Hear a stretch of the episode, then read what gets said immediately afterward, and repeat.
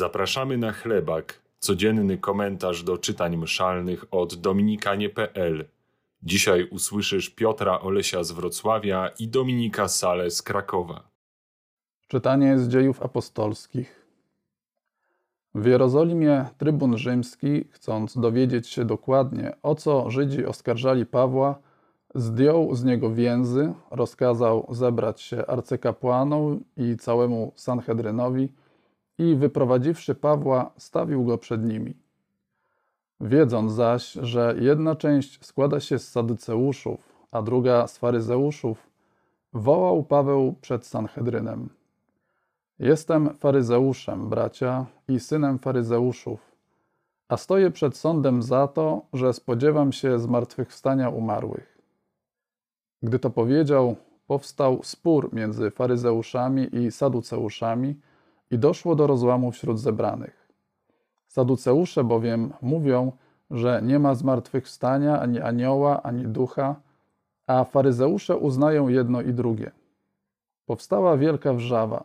Zerwali się niektórzy z uczonych w piśmie spośród faryzeuszów, wykrzykując wojowniczo: Nie znajdujemy nic złego w tym człowieku, a jeśli naprawdę mówi do niego duch albo anioł, kiedy doszło do wielkiego wzburzenia, trybun, obawiając się, żeby nie rozszarpali Pawła, rozkazał żołnierzom zejść, zabrać go spośród nich i zaprowadzić do twierdzy. Następnej nocy ukazał mu się Pan. Odwagi, powiedział. Trzeba bowiem, żebyś i w Rzymie zaświadczył o mnie, tak jak dawałeś o mnie świadectwo w Jeruzalem.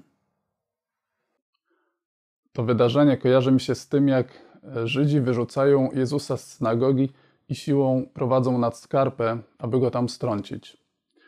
Wtedy Jezus odchodzi stamtąd nietknięty, bo nie nadeszła jeszcze jego godzina. Święty Paweł, stojąc przed sądem, wydaje się pozostawać bez szans. Spotyka się z wielką agresją, także dla bezpieczeństwa jest wyprowadzany przez żołnierzy. Wyjaśnienie przychodzi później, gdy ukazuje mu się Jezus i dodając odwagi zapewnia, że Paweł dotrze jeszcze do Rzymu. Do tego czasu Pawłowi na pewno nie grozi śmierć, bo tak zaplanował to Pan. Mniej widocznym e, działaniem Boga było sprytnie wypowiedziane zdanie, które skłóciło Sanhedryn z faryzeuszami w kwestii zmartwychwstania, co sparaliżowało sąd. Natchnienie do tych słów pochodziło zapewne od Ducha Świętego. Jak wiemy, Jezus zapowiedział e, apostołom takie sytuacje oraz to, że Duch Święty podpowie w tej godzinie, co mają mówić. Nas również prowadzi i wspiera Jezus Chrystus i posyła Ducha Świętego, abyśmy podołali wyzwaniom, które przed nami stawia wiara.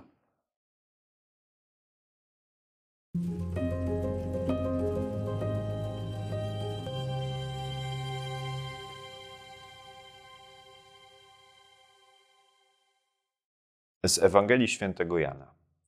W czasie ostatniej wieczerzy Jezus, podniósłszy oczy ku niebu, modlił się tymi słowami: Ojcze Święty, nie tylko za nimi proszę, ale i za tymi, którzy dzięki ich słowu będą wierzyć we mnie, aby wszyscy stanowili jedno, jak Ty, Ojcze, we mnie, a ja w Tobie, aby i oni stanowili w nas jedno, by świat uwierzył, że Ty mnie posłałeś. I także chwałę, którą mi dałeś, przekazałem, aby stanowili jedno, tak jak my jedno stanowimy. Ja w nich, a Ty we mnie.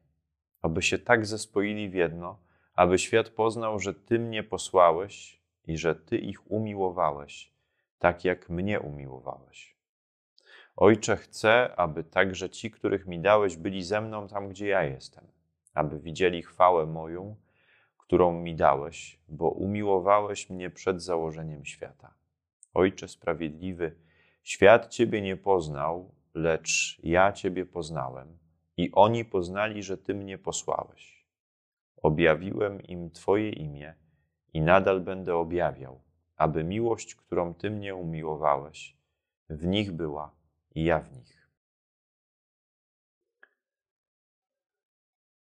Dzisiaj idziemy o krok dalej I dzisiaj można by powiedzieć, że naszym zadaniem po świętości jest przyjęcie miłości. Daj się pokochać. Taki można byłoby wyprowadzić wniosek z dzisiejszej Ewangelii. Taki można byłoby, takie można byłoby sformułować zdanie po wsłuchaniu się w te słowa, które Jezus nam dzisiaj pozostawia. E, po raz kolejny miłość pomiędzy Ojcem i Synem e, jest wzorem miłości, której Jezus pragnie dla nas.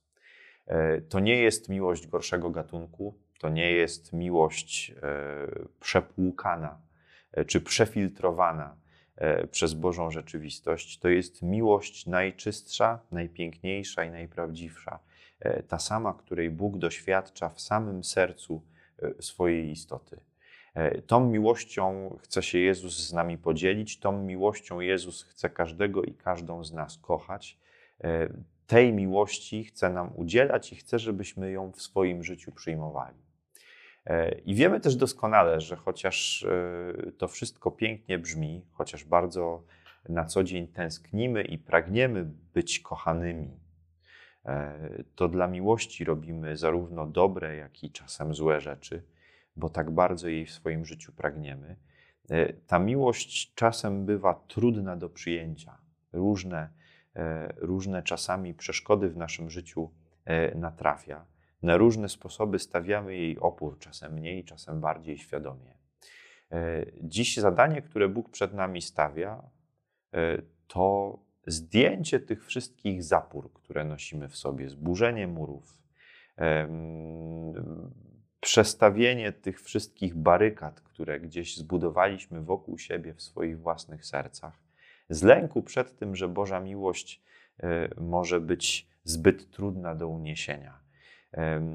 Zdejmijmy z siebie to wszystko, co nas od Boga oddziela, i pozwólmy się pokochać miłością, e, dla której jakakolwiek nasza słabość, jakakolwiek nasza niedoskonałość e, nigdy nie jest problemem ale może być czymś, e, co przez tę miłość zostanie przemienione i uświęcone. A wtedy e, miłość spotka się ze świętością i to podobieństwo, o którym Jezus mówi, do końca się w nas dokona.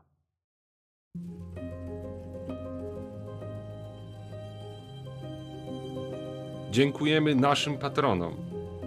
Bez Was nie moglibyśmy głosić w tej formie.